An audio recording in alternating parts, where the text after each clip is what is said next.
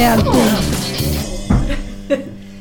Livet är en id. program i tv. det var- Livet är en id och en strid. Nu är tekniken på plats. Och nu ska vi sätta igång Flödet läser vinter 2021. Nådens år. Och idag sitter vi ju här hemma hos mig eh, och vi som sitter här är Klara Ernfeldt. och Lotta Davidsson Vask. Och i högsätet eh, vid mitt matsalsbord sitter ingen mindre än... Tada! Mårten Melin. Hallå allihopa! Här har vi alltså lyckats få hit Morten Melin som är en eh, välbekant person för er som lyssnar eh, på oss, eller hur? Eh, och Morten, hur ska vi presentera dig? Ja, det allra viktigaste är ju att vi är faktiskt med i samma bokklubb. Eller hur? Vi är med i, i bokklubben BULK eh, som betyder barn och ungdomslitteraturklubben i Lund och vi brukar ju snacka om hur länge vi har hållit på, det, vi kommer inte ihåg det. Eh, Men vi har hållit på jättelänge, 10-12 år kanske. Japp, något sånt. Mm. Jo, men vi flyttade till Lund 2008. Och då hade nog ni haft första mötet, för jag tror jag var med från och med nummer två. Så jag skulle tro att det, är 20, att det var då, 2008 eller 2009. Mm. Så det blir ju 12 år. Jag brukar tänka på att det är ungefär när min son föddes, så han är ju, han är ju född 09. Ja, just det. Han var liksom bebis där i början. Ja, Mm. det är härligt. Eh, Mårten, du debuterade ju 2003 och du debuterade väl samma år som du tog examen i biblioteks och informationsvetenskap, Ja, eller stämmer. hur? Ja. Här i Lund, Ganska typ samma månad. samma månad. Liksom, kunde du verkligen koncentrera dig på dina studier? Ja, alltså när man ska ge ut en bok så är det ju ett år mellan boken blir antagen tills att den kommer. Så då gjorde jag nog det. Koncentrerade mig på studierna. Men nu ska vi se så jag säger det här åt rätt håll. Ja, jag gick ju också på skrivarlinjen i Skurup. Men det var ju samtidigt som jag började på, på Bivil här i Lund. Med, så när jag slutade, då var jag nog ganska inställd på att inte börja jobba som bibliotekarie. Utan jag hade precis börjat frilansa åt Egmont Kärnan och Bamse-tidningen. Men, men vänta, vänta nu, jag måste bara... Du gick alltså på Bivil och eh, i Skurup samtidigt? Ja, en termin. Det för, ja. Sista terminen i Skurup och första terminen på Bivil. Men jag menar, jag var nog inte där mindre än någon annan på skrivarlinjen. För det var ganska... Det var rätt mycket sådär man satt hemma och så. Så jag hade tillåtelse för att göra så här. Och det var Inte av Bivil tror uppsatsterminen jag, då? men av sk- skrivarlinjen. Ja, och så var det uppsatsterminen, så då behövde du inte vara så mycket på plats på, eh, på Bivil heller då? Ja, det var ju första terminen på Bivil, blir det ju. Alltså första? Jag Ja, det här blir väldigt sist. snurrigt. Ja. Men hur som helst. Ja. Men sen började jag ju faktiskt jobba på... Jag började ju jobba på Lunds stadsbibliotek. Och det hade jag ju inte alls tänkt. Eh, Men det gjorde jag i alla fall. Barbro Jülich som jobbade där, hon blev sjuk. Så då hoppade jag in. Mm. Inte för henne, men för att fylla upp en plats i alla fall. Men jag satt vid hennes skrivbord. Men jag var där typ ett halvår och sen så hade jag börjat jobba på Bamse-tidningen också som redaktör. Så då blev det lite för mycket bollar att ha i luften. Men din, din första bok, den heter ju Mera glass i däcken. Ja, något ska den ju heta. Men Ja. många författare skäms ju över sina första böcker. Och det är alltid den första boken man ska skriva in när man söker stipendium. Men du Eh, skäms väl inte för Nej, den? jag är jättenöjd över den boken. Det är ju delvis också för att det är så fina illustrationer av Emma Adbåge. Det är ju en av hennes första böcker också. Men eh, nej, jag är jättenöjd med den boken fortfarande. Jag tycker den är, är jättefin. Det Och- tycker jag också, den är jättefin och ehm, Och bara att de ville ge ut den känns ju så här Ja. i, i, i efterhand väldigt märkligt. Det var ju Marianne Eriksson som, som antog boken. Ja, men det är ett Eh, modigt utgivningsval efterföljare på, eh, på Rabén Sjögren som barn, barnbokschef. Eh, dock inte på Rabén Sjögren utan på Eriksson och Lindgren som hon startade med Barbro Lindgren. Men hon eh, måste ju ha fattat att den här boken kommer inte sälja, men hon gav ut den i alla fall. Det tyckte jag var fint. Och, och sen dess då, 2003 var ju detta, så har du givit ut över 100 böcker. Och det är ju både eh, barnböcker, och mellanåldersböcker och även diktsamlingar. Var det åtta diktsamlingar? Ja, Mina glassedäcken var ju en diktbok, eh, den första. Ja, jag har gett ut åtta diktböcker. Och jag har en till eh, som ska komma nästa år. Tror jag. Spännande. Kan jag säga en sak som är väldigt rolig också, det är att min redaktör på Eriksson och Lindgren var ju Karina Gabrielsson Edling, som också är med i vår bokcirkel. Just det, och som också har varit gäst i Flödet läser tidigare. I, I somras var det väl? Mm, Förra sommaren. Eller förra sommaren Ja. igen. Ja, hon var, min första redaktör på de, fem, på de böckerna som Eriksson och Lindgren gav ut. Och sen så blev det, gick Eriksson och Lindgren upp i Rabén och Sjögren. Och sen har jag haft Carina som eh, redaktör också på Hegas och Nypon. Mm, just det. Det är väldigt roligt att, att ha med folk i en bokklubb som har olika sorters kunskap för att Karina kommenterar ju ofta lite andra grejer än vad vi kommenterar i böckerna. Mm, det stämmer. Hon kan eh, kommentera slarvig layout och dåliga typsnitt och ja, men lite sådana grejer. Mm. Ja, men eh, nu ska vi prata om Morten och vi ska prata om eh, en gemensam bok som vi har läst till idag. Och det är ju inte din senaste bok, men det är en av eh, dina senaste. Och det är boken Spöksomrar. Eh, som har ett, ett, ett väldigt, väldigt fint omslag. Det, är- det är blå, blågrönt och så sitter det två, eh, ja vad kan de vara, 13-åringar i en eka. Eh, och så ser man en ö i eh, bakgrunden. Ja, det är Lina Neidestam som har gjort eh, omslaget. Och hon är ju en av Sveriges allra, allra bästa serietecknare. Så jag har faktiskt försökt få henne att göra omslag under ganska lång tid. Men nu gick det vägen. Eh, och hon har ju inte bara gjort omslaget utan eh, tapeten som är väldigt fin. Den och, är väldigt, väldigt fin. Den är som att man känner att den skulle man kunna göra en tapet av. Alltså, och sen har hon ju gjort en eh, ordentlig illustration liksom, till var av de tre berättelserna också. Och jag, Ja, är, jag är väldigt, väldigt nöjd med det. Och Lina har faktiskt gjort ett omslag eh, till en gammal bok, Förvandlad, som kommer i nyutgåva i höst. Eh, för att det är tio år sedan den kom. Och då har hon gjort ett nytt omslag till den. Och det är också helt fantastiskt. Men du, hur funkar det? Har du, har du inflytande över eh, illustrationer och omslag och så?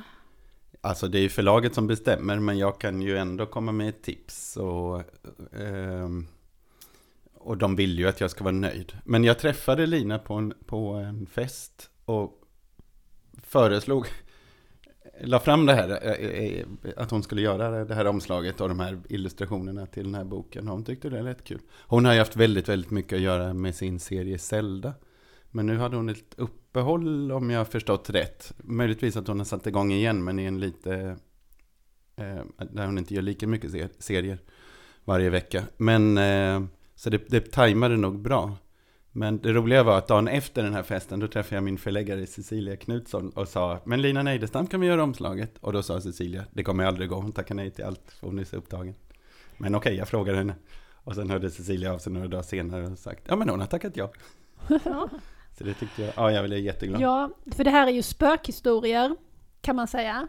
Det, Ja, eller? det var, kan- idén var att skriva, Ja. jag har ju skrivit om spöken innan, men idén var att skriva klassiska ja. spökhistorier. Ja. Det var liksom utgångspunkten. Jag tänker ju, eller man kan inte, jag tror inte någon kan låta bli att tänka på Hans Arnold, just eftersom det är spökhistorier och även om Lina Neidestam är en konstnär helt i sin egen rätt så vilar det ju ändå något slags Hans, Hans Arnoldskt över Jag- de här illustrationerna. Jag tror att det vilar Hans Arnold över väldigt, väldigt många i Sverige. Inte bara illustratörer utan också författare och män, människor i, i eh, största allmänhet. Det var en utställning i Klippan med Hans Arnolds eh, bilder och så samtidigt så, samma dag jag såg den så såg jag också en film om Hans Arnold. Eh, som gjordes för ett par år sedan. Och då slog det mig att oj, jag är nog väldigt, väldigt påverkad av- av Hans Arnold.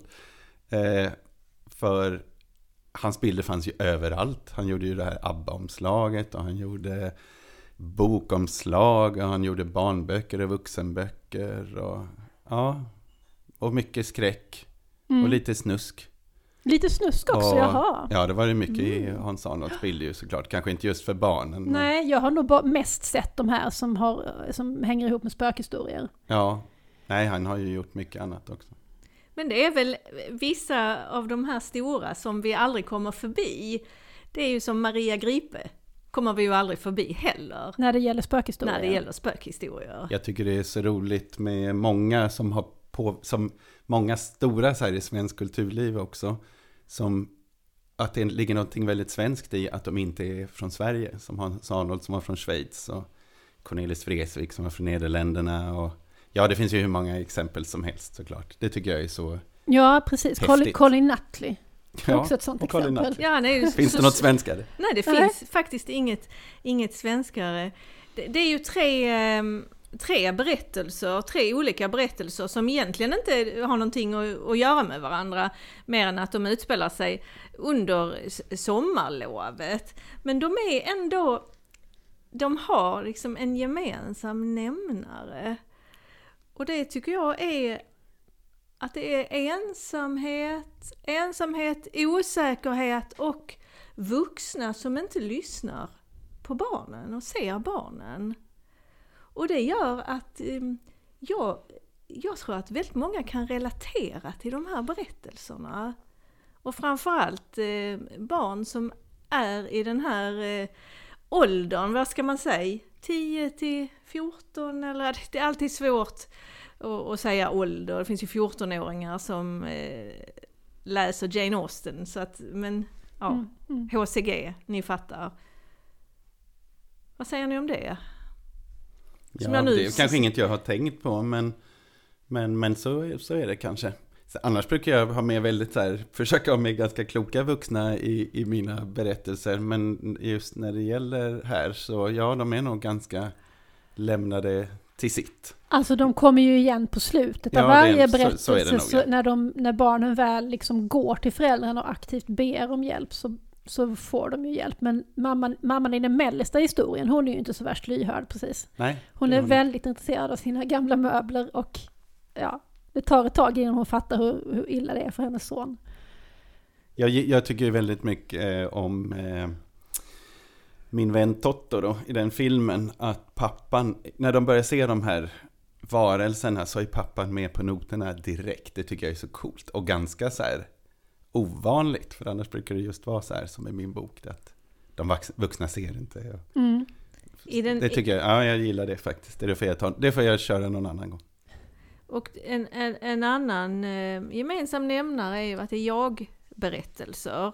Och i den första är det ju en, eh, en tjej som heter Nova som, eh, som får åka till sin kompis Elsas sommarland. Och då får vi veta redan på första sidan att Elsa, hon har redan varit i Frankrike.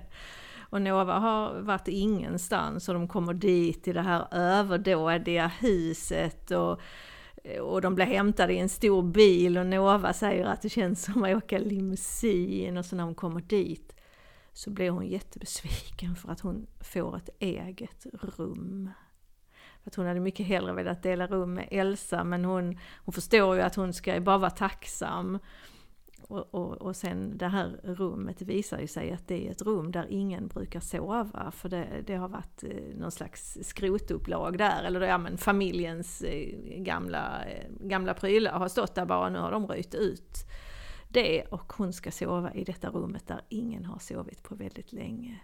Så att den här, alltså det, jag tycker att du bara på den här första sidan så ger du oss alla förutsättningar. Har vi liksom eh, två tjejer, de har inte känt varandra så länge, kanske varit kompisar ett halvår och den ena kommer från lite enklare ekonomiska förutsättningar och den andra har allt.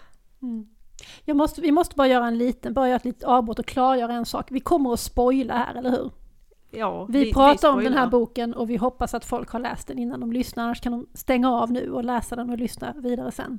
Sen är det ganska Är det okej roligt. för dig också Mårten? Ja, det är jätteokej. Sen tycker jag inte det är bruk, när, just när det gäller spökhistorier så kan det vara ganska kul att läsa eller se en film när man vet hur det ska gå. För då, hit, då ser man ju alla de här liksom spökledtrådarna som alltid Ja. finns i spökhistorier. Så det, det, det, det brukar aldrig göra någonting tycker jag. För mig drog det iväg lite, och, alltså jag, min fantasi skenade iväg redan i början i den här berättelsen, för när hon gick ner och åt middag med familjen, så plötsligt föll hennes ögonlock nästan ihop. Och då tänkte jag nej shit, nu har de gett, nu är det liksom hela familjen är en otäck familj liksom. Och de, de har gett henne någonting här så att hon ska falla i koma och Men riktigt så hemskt var det inte, det var inte familjen som var otäck i den Nej. berättelsen. Men det kan du ju Inte köra, den här gången. nej det kan du köra på en annan gång. Nej men det, är- det var väldigt kusligt det här att hon, att hon ska vara tacksam och passa in. Det eh, slog an någonting hos mig. Mm. Och när hon kommer ner, hon är jätteorolig för hon är vegetarian nämligen. Liksom, Men de är ju det- också väldigt snälla mot henne. Ja, de, liksom, är, de är de tar ju verkligen supersnälla. emot henne på alla, alla sätt och vis. Ja men det var den där extra snällheten som jag Ja. tänkte det är något fishy här liksom. Nej, det finns sådana människor. Även i barnlitteratur. Ja, uppenbarligen i dina böcker. Och en annan sak som det här med att hon är vegetarian, det är faktiskt mycket vegetarianer i dina böcker. Ja, Ja. Är det ett ställningstagande? Att du liksom skjuter in lite vegetarianism? nej det är mycket köttätare eh, också. De goda är vegetarianer, Men de det, är ju, det får ju vara up to date liksom. Ja. Jag, jag, har, jag har några så här tankar ibland eh, som återkommer när jag tänker på hur jag skriver och vad jag skriver om och sådär. Och då brukar jag alltid tänka att det ska ju märkas att böckerna är skrivna nu.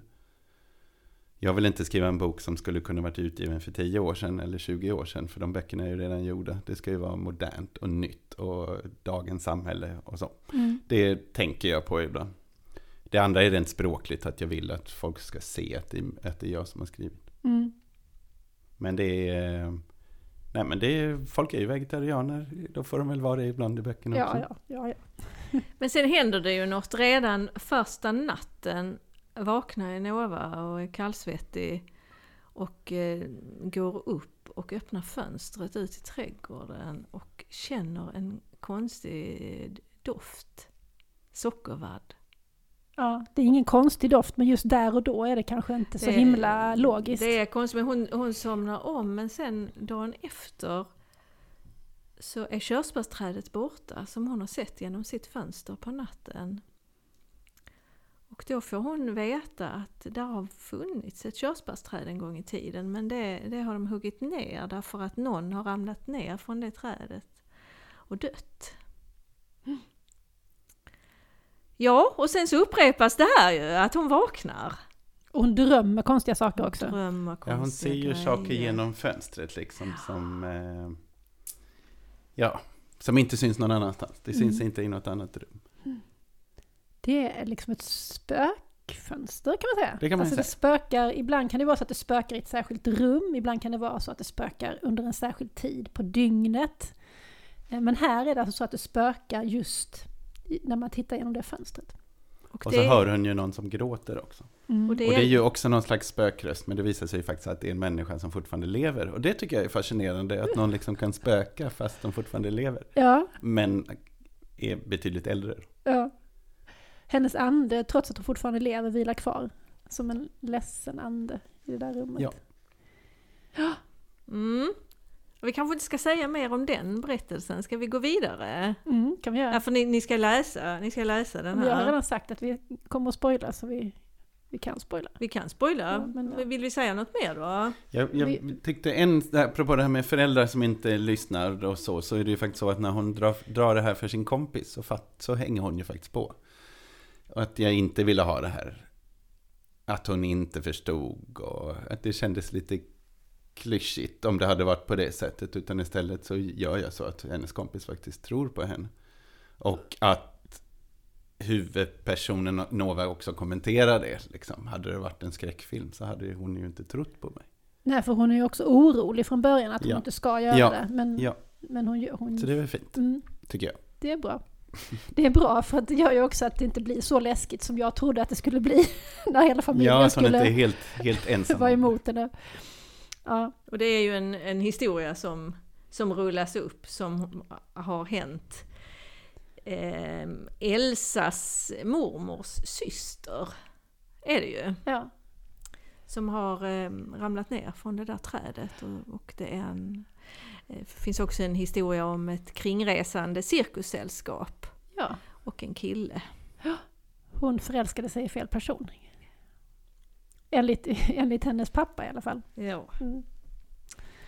Ja, så det är sorgligt. Det är mer, egentligen mer en sorglig berättelse än en spökberättelse, eller? Ja, kanske. Kanske det. Men det är roligt du säger också det här med att redan på första sidan. För jag känner ibland när jag läser böcker, att, också för barn, att de kan vara lite utdragna.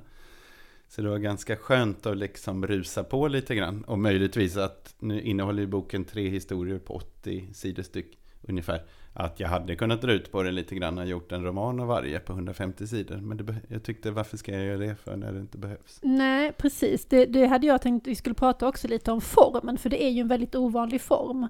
Det är inte så ovanligt med en bok med spökhistorier, men då brukar det ju vara kortare, kanske tio på en sån här bok eller så. Eh, men här kallar du det för eh, romanetter. Ja, jo, men jag... Är det ett, begre- är det ett begrepp? Ja, det är det begrepp? nog, tror jag. Kort, liksom kortromaner. Men Ja. romanetter, jo, det finns.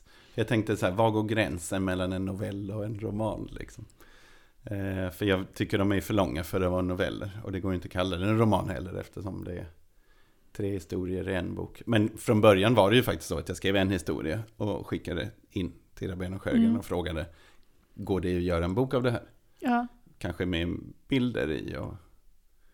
Nej det, nej, det är för kort. Och så minns jag att när vi hade det mötet och jag fick den kommentaren att jag direkt av någonstans ifrån tänkte, men om jag gör två historier till, blir det en bok då? Är det något fel på själva historien liksom? Ja. Förutom att den är för kort. Nej men då går det bra. då går det bra. Då blir det en Mm. bok. Ja, det är, det är ju egentligen lite konstigt att bokbranschen och kanske barnboksbranschen mer än vuxenboksbranschen är lite fast i hur det ska vara. En bok ska ha sig så många sidor och den ska passa det- exakt det här åldersspannet och ja, det, det blir ju lätt lite enahanda. Så det är tur att det finns eh, författare som har gett ut hundra böcker och som kan ställa lite krav och som vågar komma med lite andra idéer. Liksom. Ja, nu blev det ju en tjock bok av det här, men det var ju faktiskt ganska kul att i höstas, tror jag det var, då, då gav ju faktiskt Ingelin Angerborn ut en bok som heter Mhm. Flickan utan ansikte, som var just 80 sidor. Ja, Men okej, det är Precis. Ingelin Angerborn, men den boken gick ju väldigt bra också. ja. Så det är, det är kanske ändå, jag kan tänka mig att den boken kanske öppnar upp för att inte vara så fast vid, vid de här formaten som Mm. det faktiskt är. Eller för den delen kan vi få lite fler bilderböcker som är mer än 32 sidor. Ja, precis. Och bilderböcker för äldre barn. Det är också. Men jag vill, jag vill backa till, eh, till första sidan i den här eh, berättelsen. Jag tycker det är, är väldigt fint att du, att du med så få ord lyckas liksom fånga in läsaren. För att vi, vi förstår, vi förstår väldigt mycket bara på den här första sidan och vi vill veta mer. Men tror du att det här att du har skrivit mycket poesi och att du har skrivit mycket lättläst, att det har hjälpt dig att bli en så pass effektiv författare som det här är ändå ett bevis på att du är en effektiv Jo, men det författare? hör nog ihop tror jag. Jag tror inte det är så jättestor skillnad alltid på mina lättlästa böcker på Nypon förlag och det jag skriver på Rabén och Sjögren till exempel. Liksom, möjligtvis omfånget och, men det är ju inte, jag ser ju inte mig som någon komplicerad författare liksom, utan att det är nog ganska lätt att läsa det i alla fall. Och det ska inte vara för mycket krusiduller. Och, men absolut, ja det tror jag. Poes, jag tror poesin har gjort att jag har skrivit bättre lättläst. Mm. För att där handlar det också om att liksom hitta det Hitta det, exakt, koncentrerat. det exakta ordet. Ja, jo, men det är väl så. Essensen. essensen. Bra sagt. Då, då tycker jag vi går vidare till, till berättelse nummer två. Den tyckte jag var absolut läskigast. Ja, Det vintage. var den, det var den jag skrev först. Vintage heter den och här är det Sebastian som berättar. Och han eh, bor tillsammans med sin mamma och de har väl ganska nyligen flyttat. Och mamman är besatt av antikviteter och hon driver någon, någon slags blogg om antikviteter och hela hennes liv kretsar kring detta. Hon har inte så mycket tid med sin son. Han, Nej, hon försöker pracka på honom också ju. Hon vill inte att det ska vara så fint. Ikea, Ikea nytt i hans rum, utan han, eh, han ska ju också få ha sina antikviteter. Ja. Eller som hon vill ha då. Ja. Och då åker de iväg och köper en säng. Som försäljarna är väldigt tveksamma när de köper den. säger de, ni ska väl inte sova i den där? Jo, jo, säger mamman, den håller nog, den ser rustik ut. Eh, och sen eh, händer det genast obehagliga saker så fort den där sängen kommer in i rummet faktiskt. Eh, innan han ens hinner gå och lägga sig. Det var nog det jag tyckte var så obehagligt, att sängen är ju ändå, liksom, det är där man ska vara som tryggast. I sitt eget rum, i sin egen säng.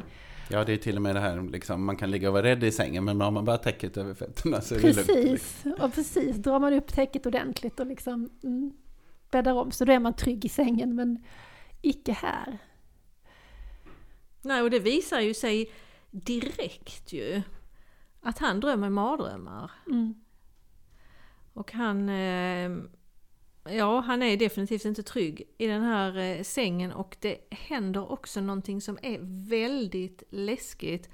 Han spelar ju Minecraft och när han eh, öppnar sin, eh, ja, Sin vet- värld. sin värld va, så är det någon som har byggt ett konstigt torn och han fattar inte riktigt vad det är. Och så, så kommunicerar han på något for, Minecraft-forum och han får veta att det är en avrättningsplats. Ja, det är granntjejen som berättar det. Eller Ja, det, jo, det är både och. Hon känner till det, men det finns Ja. med i forumet också. Så Ja, det stämmer. ja. Ja, okej. Ja, det var, jag var väldigt nöjd med att få in Minecraft. Ja. Apropå, Hemsökt Minecraft. apropå att det ska kännas att det är här och nu och Just idag. det. Liksom. Ja, nej men det, det där tror jag nästan att många barn kan relatera till nästan mer än att, än att det kommer en hemsökt säng. Att någon helt plötsligt har byggt något i ens värld och så river han ju det men nästa dag så är det ju där igen. Så till och med hans Minecraft-värld blir besatt efter att den här sängen har kommit in i hans rum. Jo, men det krävde lite research både i Minecraft. Kan man ha diagonala träbjälkar? Och även avrättningar och avrättningsplatser i Sverige. Ja, Typ så här, när försvann de offentliga, eh, offentliga avrättningarna i Sverige och typ sådana saker. Mm. Hade du en, någon Minecraft-konsult då som du pratade med? Eh, nej, jag, nej, jag, spelade lite själv? Nej, jag, kollade, nej jag, hittade, jag hittade information på nätet att det gick alldeles utmärkt. Jag spelar inte Minecraft själv, även om jag har barn som gör det. Ja. Men det blir ju så illa att han till och med drömmer om att han är med och bevittnar en hängning och att han inte kan ta sig därifrån för benen lyder inte honom. Och det är ju en, en verklig skräckmardröm som jag kan relatera till i alla fall. Att jag är på en plats och att jag inte kan ta mig därifrån. Mm.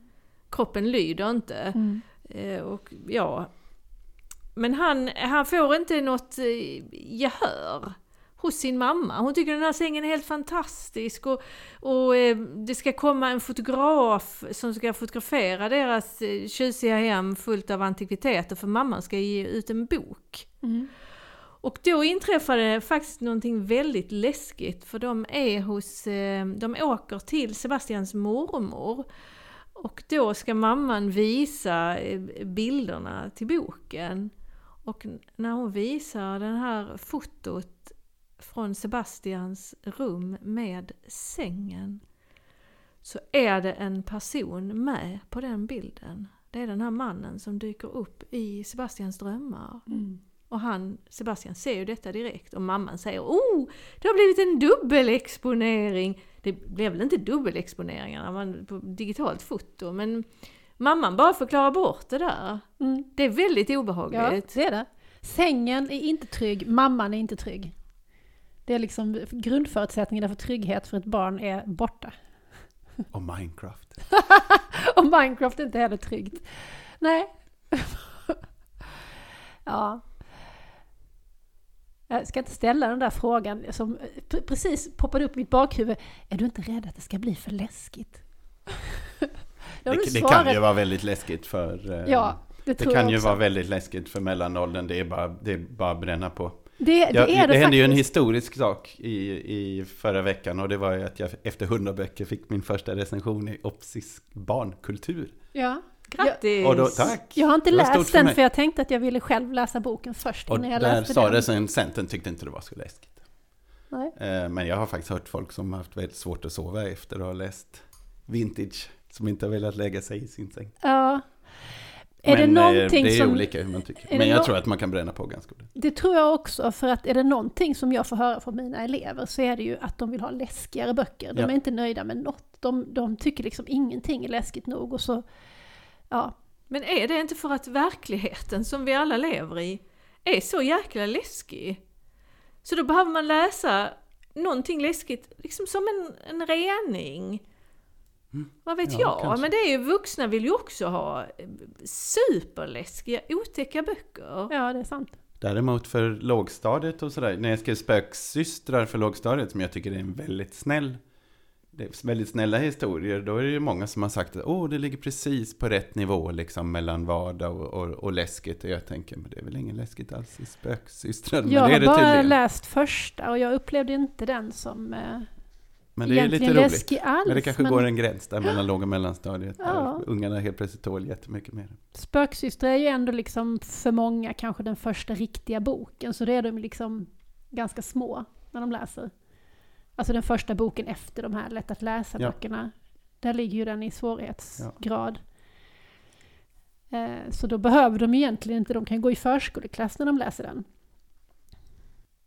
Men det slutar ju bra, kan vi säga. Ja, fast det går rätt långt innan. Det går långt innan mamman vaknar. Ja, Men han har god, han har god hjälp av sina nya grannar. Eh, För att han, det flyttar in en familj i huset bredvid. Och där finns ju en, en tjej, Ayla heter hon va? Och, och de är lika gamla och hon har en, en lilla syster som heter Emela. Och som också spelar Minecraft. Så att, eh, det- blir gött att han, eh, att han träffar dem. ja det känns skönt att han får någon, har någon att ty sig till. Någon Alltså, vettig människa. Ja. Och så har du den nya familjen en väldigt fin byrå som mamman vill gå och titta Ja, på. just det. Ja, just det. Ja, ska vi gå vidare till den tredje? Och den heter Ön. Ja. Och där är det en flicka som heter Hanna som är berättaren. Som eh, tillbringar sitt sommarlov eh, nära en sjö.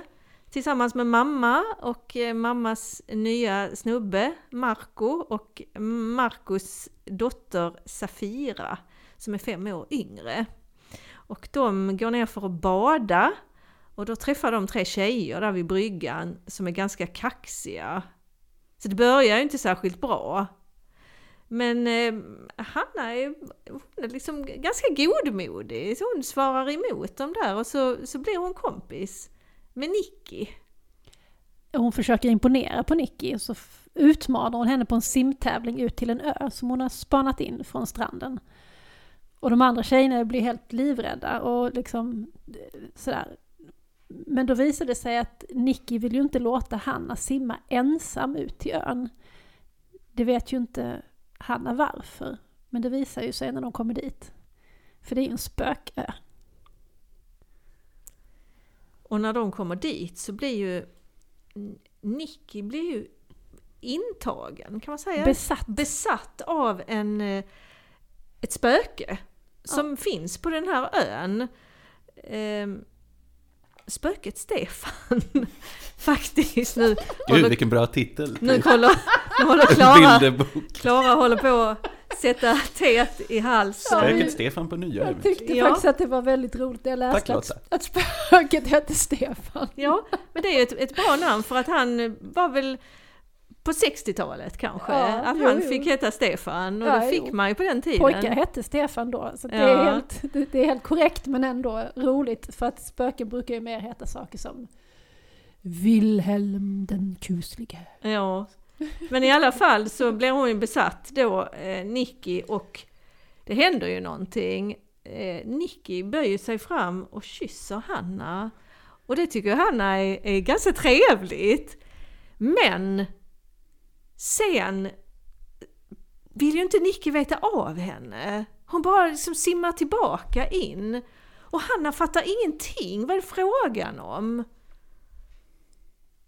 Mm. Det är ju läskigt och där, där är det igen det här att, att eh, oavsett då att det här är en spökis så kan, kan vi ju relatera till detta. Att, att vi kommer nära en person och sen vet vi inte riktigt, ja men vad, vad ville den här personen egentligen och den osäkerheten. Mm. Eh, ja, nu bläddrade jag, det kanske hördes, jag, jag har lite anteckningar här. Men i alla fall eh, Det rullas ju upp vad det är som har hänt. Eh, vad som har hänt den här Stefan. Och det finns ju en vuxen som heter Anders eh, som har flyttat tillbaka till den här, eh, det här samhället. Som, som vet någonting. Mm. Men de, de klurar ut och så småningom också de här tjejerna och det är ju samma sak där att faktiskt Först vill ju inte Nicky veta av Hanna men sen Sen går hon ju med på att lyssna på henne och kommer till och de löser ju det här tillsammans kan man ju säga. Men det håller på att gå riktigt illa på vägen. Ja, och det, det är superotäckt. Ja. Men de, eh, de förlöser ju det här spöket. Spöket Stefan får frid. Mm. Det är bra. Mm. Och Anders får ju en sorts frid också. Mm. För att han är ju inblandad i det som hände. Mm. I allra högsta grad. Jag tänkte på en annan sak som binder ihop de här äh, berättelserna, det är ju fåglar. Ja, det är det. Det är ju fåglar som kraxar kring det här stället i skogen där den mördade ligger begravd i första boken. Och det är eh, i den andra boken så är det ju också fåglar. När är det fåglar där? Nu kommer jag inte ihåg. Visst är det fåglar? Ja, det är en andra? uppstoppad Det fågel är just också. det, det är en uppstoppad i, eh, fågel som loppisen. tittar på honom på loppisen, ja så är det. Och i den tredje boken så är det när de är på ön och spöket Stefan, innan spöket Stefan tar någon i besittning så hör man en fågel som kraxar. Ja, fåglar är ju väldigt, det är väldigt otäcka djur tycker jag. Alltså kråkfåglar har ju alltid varit klassiska spökhistorier. Ingre- Ingredienser, korpar och... Jo, det har det Ja. ju. Men det, ja, men det är nog bra med något som binder ihop sådär tror jag. Jag Ja. tror att i alla historierna att de pratar om pusselbitar också.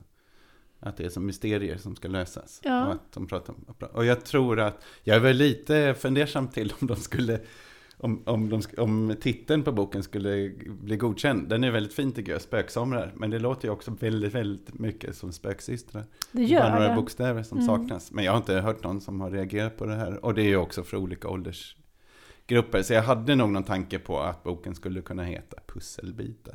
Som ju inte alls är en lika bra titel, men i alla fall.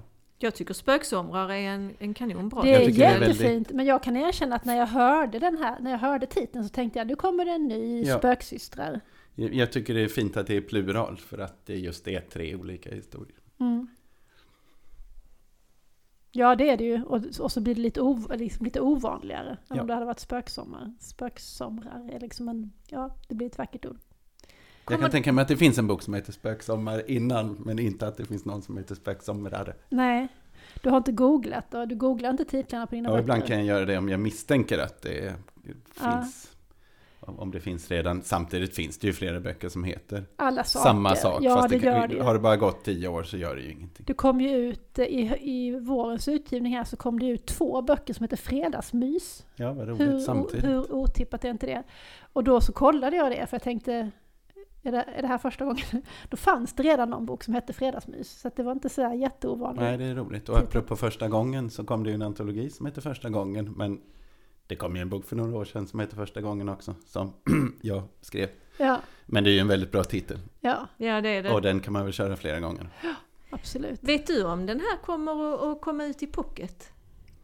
Nej, det vet jag inte. Men nästa år kommer alla mina så här mellan åldersböcker på Rabén och har kommit, och Rabén och Sjögren har kommit till pocket. Så vem vet.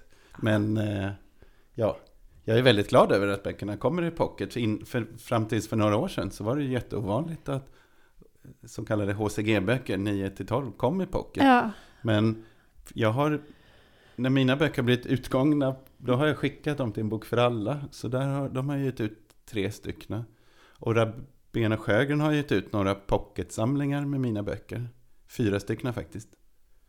Och En bok för alla ska ge ut den sista som är kvar nästa år. Jag får inte säga vilken det är, men har man mina pocketböcker så kan man lista ut vilken det är. Men i alla fall, eh, jag vet inte, kanske. Ja men det är ju jätte, jättebra, för jag menar det här med, med sommar, att man ger folk en sommarbok, Ja, sommarpocket, liksom en bok man kan ha på stranden och inte vara så rädd om eller lämna kvar ute i hängmattan. Och, Jo, Ja. jag gillar formatet jättemycket. Det, Och det ökar ju gör- också chansen att eh, skolorna kan köpa upp klassuppsättningar. ja men alltså ärligt talat, barnen gillar också formatet. Det är Ja. väldigt många barn som föredrar en pocket, kanske för att det känns lite vuxet. Men det kan också vara för att det är bekvämt att hålla i handen. Min stora syster hon läser aldrig böcker som inte finns på pocket. Hon tycker det är så jobbigt att ligga och hålla i en inbunden bok. Så hon, om, om hon vill läsa en bok så väntar hon tills den kommer i pocket och köper den i pocket. Jag tänker också att priset på pocketböcker, som i Sverige är så fånigt lågt, gör ju också att chansen att ett barn eller en ungdom skulle köpa sin egen bok ökar ju faktiskt ganska ordentligt. Ja, det gör det ju verkligen. Så det, det, tycker jag, det tycker jag också är bra. Så jag vill jättegärna att mina böcker kommer i pocket. Ja. Även om jag inte får så mycket pengar för det. Ja, ehm, sen har du med dig en eh, bok som du vill tipsa om också. Ja, är vi redan där? Ja, det tror jag vi kan vara, absolut. Eller, eller förresten, först kan vi ju kolla, är det något mer du vill säga om spöksomrar? Har vi missat något viktigt? Det något mer Nej, det tror jag inte. Ni har verkligen läst den ordentligt. Så jag är mycket imponerad. Tack! Ja, vi tackar. Men det var ett roligt format att skriva i. Att, att eh, göra sådär lite mittemellan och göra dem ganska komprimerade även om det liksom på något sätt finns material till en hel roman i varje berättelse. Ja, men det gör så, det, så var jag absolut. ändå, det kändes ändå så här väldigt roligt att ge ut en sån bok som är lite annorlunda. Jag försöker ändå sådär, för, jag försöker ändå göra saker som inte riktigt har gjorts tidigare. Så det, och som jag inte har gjort tidigare, så det är kul att variera sig lite. Och det är bra för bokmarknaden tycker jag, för barnboksmarknaden, att det, att det finns variation också. Det är vi jättetacksamma för, vi som jobbar med barnlitteratur. Ja, de här böckerna blir ju också som en novellsamling att man, ja, nej, vill man inte läsa alla så behöver man inte, man kan ju läsa en eller två. Ja. Det går ju också. Mm. Jag har med mig Familjen av Cecilia Lidbeck. Ja. För den tyckte jag väldigt mycket om. Mm. Eh, Jag med. Apropå när vuxenvärlden blir jävligt otrygg. Ja, väl, eller, ja, ja, det är den ju verkligen. Även om det på något sätt är någon slags falsk invaggning i trygghet Mm. kanske. Ska vi Eh, säga vilken ålder den riktar sig Ja, till? det är ju för en HCG-bok, eh, 9 till 12. Och jag skulle säga, ja, nej men ja, det övre spannet kanske, Ja, 11-12. ja absolut. Det, den, den är ju liksom lite, den, den, det handlar ju om Ella som bor liksom på en gård som är inhägnad av stängs, med stängsel. Och det är eh, far som styr och ställer. Så det är ju en sekt. Men det roliga är ju att det är Ella som berättar historien och hon är ju så nöjd och tycker det är så fint där. Och hon har blivit itutad att världen utanför är jättefarlig. Och det är allt möjligt hemskt som finns där. Så från början när man läser boken så jag blir lite osäker på, är det här li- lite i framtiden eller har det hänt de här sakerna? Och det känns lite oklart sådär när, när, den, när den egentligen utspelar sig. Men sen får hon ju kontakt med en pojke på andra sidan stängslet. Mm. Som utmanar hennes idéer om hur, eller egentligen inte hennes idéer utan fars idéer om hur saker och ting är. Och det visar sig ju också att far, han åker ju in till stan och köper det som de inte liksom kan vara självförsörjande med. Eh, Men han gör ju någonting där inne i stan som en del av de andra vuxna inte liksom gillar. Så det blir också väldigt så här allegoriskt. Ja. Någon så här diktatur med någon, någon diktator som inte liksom gör som han lär. Och, Ja, lever in- enligt sina egna regler, nej. ja, och det, det, han, han, han har ju också saker. Han, han är den enda som får stänga sitt, sin dörr och han är den enda som Mm. och så vidare. Men eh, jag tyckte väldigt mycket om den. För i, i och med att den är berättad i hennes Ellas perspektiv så blir det så intressant att följa hennes uppvaknande. Liksom. Mm. För det är inte som att de, alla idéer är inte dåliga som de har heller. För det handlar ju mycket om miljö och klimat. Hotet. Eh, Eh, det är bara att det liksom har gått helt överstyr. Och anledningen till att hon eh, hamnar där hon hamnar är ju att hon ser den här pojken och först blir hon rädd för hon vet om att, hon vet om att det är förbjudet att prata med utomstående. Eh, och hon vet också om att de är ofta förgiftade och förstörda och sådär.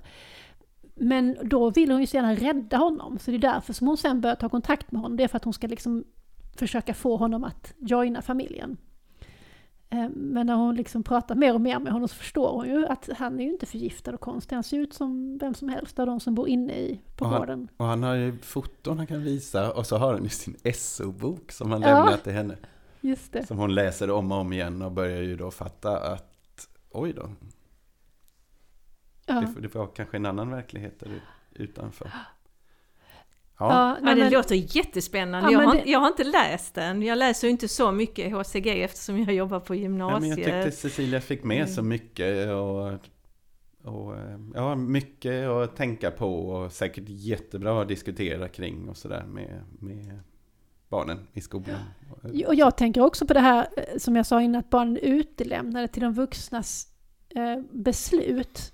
Alltså hennes mamma har ju valt att gå med i den här sekten och hon har ju ingenting annat att välja på alls. Hon är helt utlämnad. Och du, du gjorde liknelsen med liksom en, att det kan vara som en diktatur. Men det kan ju, man kan ju också likna vid andra beslut som vuxna tar. Skilja sig eller flytta till en ny stad eller ja, vad det nu är. Alla möjliga beslut som vuxna tar som, som barn inte... Sätta barnet i en ny skola. Ja, som barn faktiskt inte får vara med och ta. Absolut. Men här blir det ju mycket värre, för det handlar ju om liv och död. Det handlar ju om att de till exempel inte går till läkaren med sjuka barn, eller de kan få svälta i flera dagar för att solen har inte kommit fram och välsignat mat. Nej, det är väldigt så här, när vissa saker låter rätt fiffigt som så här, ja men eh, tänk på klimatet, odla egna grönsaker och sen är det massa så här pseudo-religiösa grejer de håller på med också som är, Är de, är de antivaxare? verkliga. De är, all, Det är de helt anti klart. hela det är ju till, går ju till och med så långt att det är en pojke som dör för att de inte lämnar honom till, till sjukhus och då kommer ju hennes ordentliga upp, det är då hon verkligen fattar att hon måste faktiskt därifrån. Ehm, så, eh, mycket bra bok tycker jag. Mm.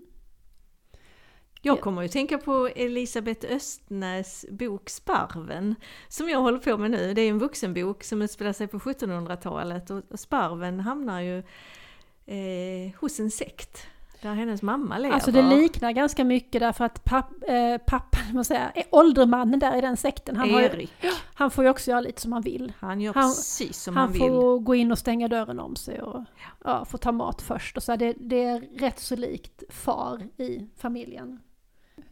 Vad var du med dig då Lotta? Ja, eh, jag eh, har med mig en bok som jag eh, håller på att läsa. Jag har läst en tredjedel i den. Och det är Camilla Stens bok Bergtagen som kom ut förra året och som nu har kommit i pocket på Rabén och Sjögren. Och den läser vi i eh, en av våra bokklubbar eh, på Polhemskolan. Och det här är ju en, en klassisk eh, spökhistoria som utspelar sig eh, i eh, en eh, härligt spöklik miljö i något litet sömnigt eh, samhälle i norra Sverige där det finns en eh, privatskola.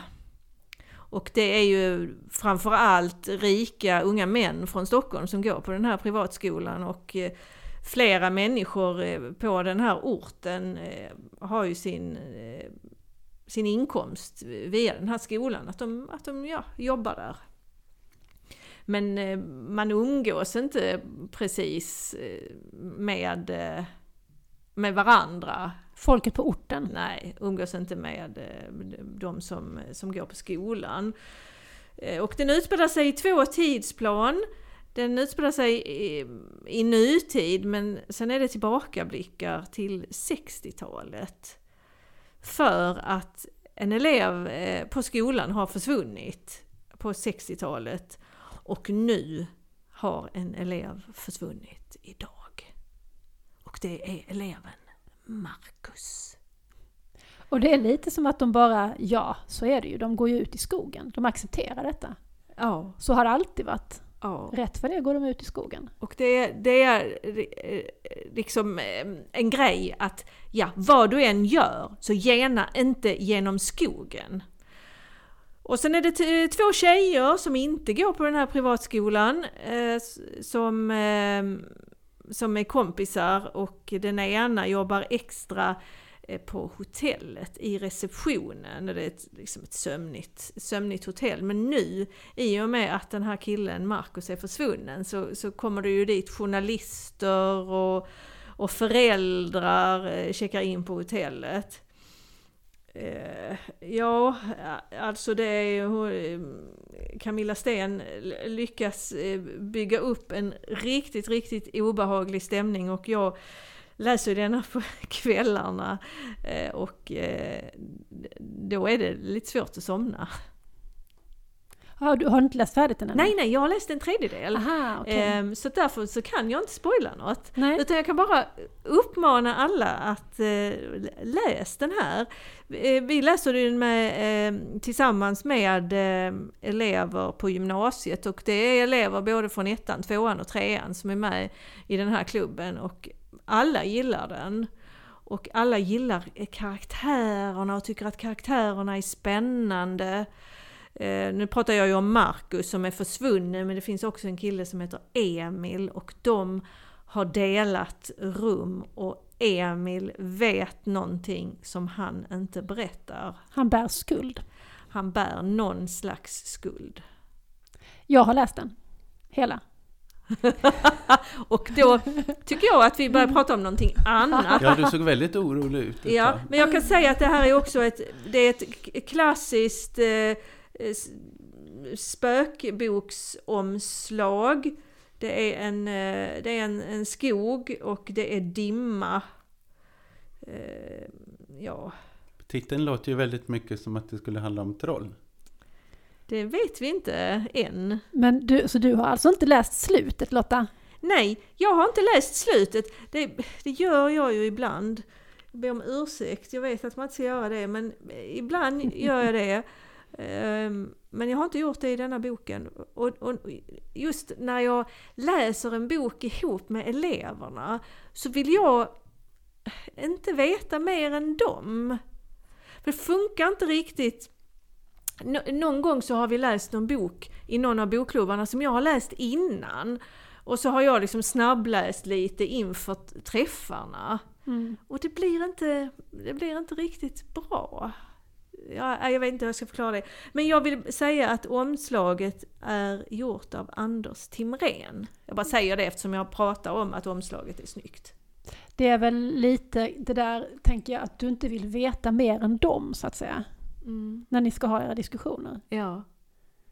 Alltså, tyckte du det var märkligt? Nej, nej, jag tycker, jag bara försöker, för, du sa det, jag kan, jag kan inte riktigt förklara det, vad, det, Ja. vad det är med det där, men, men är det, ligger det inte i det att du inte vill liksom veta mer än dem? Nej, så att vi kan pratar. ut... Så, så att, att- ni är på jämlika ben. Liksom. Precis, att vi utforskar den här boken tillsammans. Mm. Och att vi ställer, ja, men vi ställer frågor som vi besvarar tillsammans. Vi, nu på för, första träffen eh, som vi faktiskt hade igår eh, via Zoom såklart eftersom det är heldistans den här veckan. Eh, eh, så, eh, så redde vi ut de olika karaktärerna. Vi pratade om karaktärerna, men vem är han och vad får vi veta om honom? Och, ja, och så vidare. Och vad är det här för slags föräldrar egentligen? Och, Mm.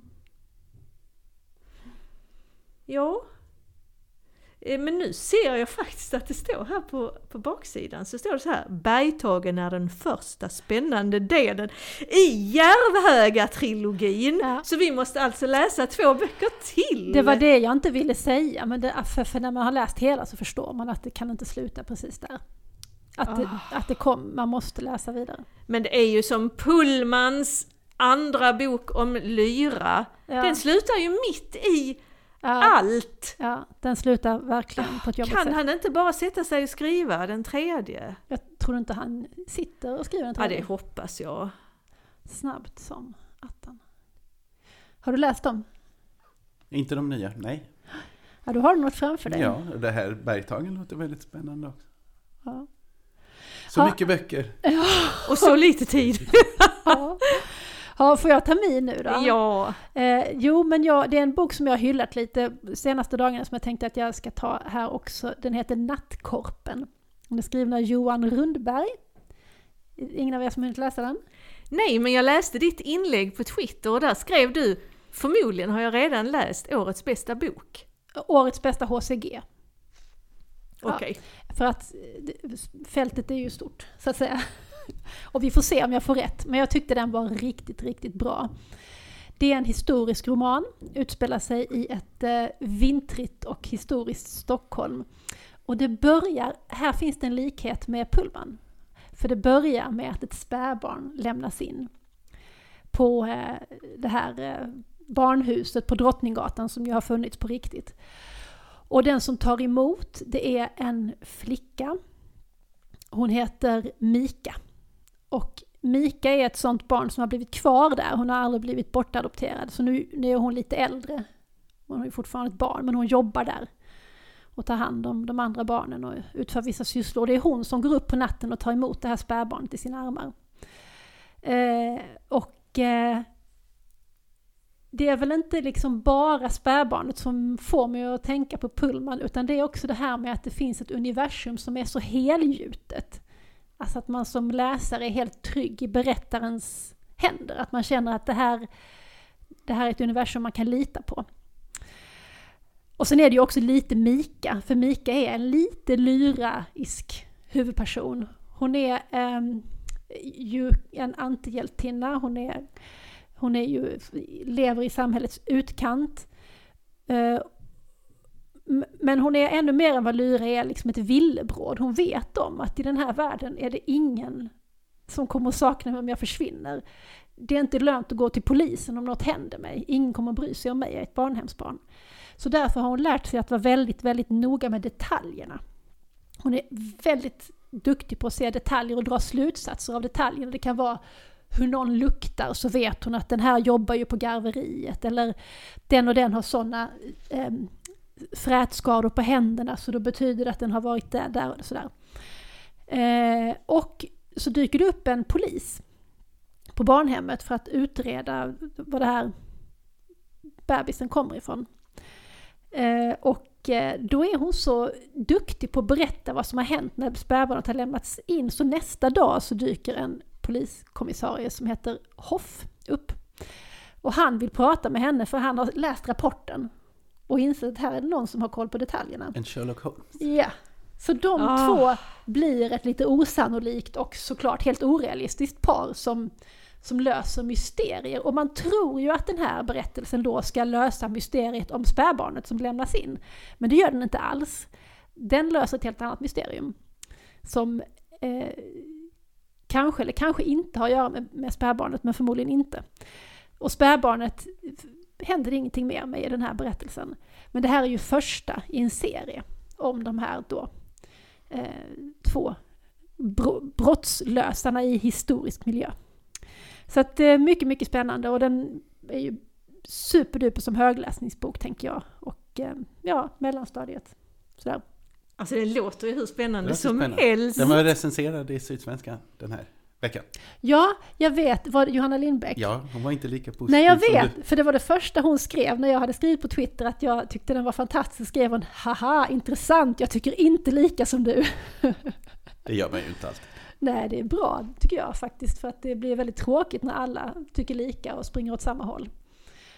Eh, Men sen såg jag någon annan som också skrev i samband med det att eh, oh, nu har jag hört den här hyllas från två håll. Det var, hade han hört någon annan som också hade tyckt den var jättebra. Så. Ja men ni får väl läsa den så får ni återkomma och se om ni håller med mig eller Ja, jag vill absolut läsa den och jag vill också läsa familjen. Ja, det ska du göra, den är jättespännande. Ja, vi måste kanske sluta för idag. Men jag, alltså jag hade bara tänkt fråga dig, du har inte lust att läsa någon av dikterna i Du är ett moln? Jag har lagt fram den boken här, jag fick ju den av dig för några år sedan. Och jag tycker att det är så här fantastiskt fina, fina små Jo, visst dikter. kan jag göra det. Ja, är det någon tack. speciell du vill att jag ska? Nej, jag vill att du ska välja en. Så nu kan jag du... brukar alltid läsa den på baksidan, men nu gör jag inte det. Den, Du, du, du, vilket år kom den ut? Den här är från 2010. Det här är en av de allra första böckerna som jag gav ut på Nypon förlag. Och nog en av de första som kom på Nypon förlag också.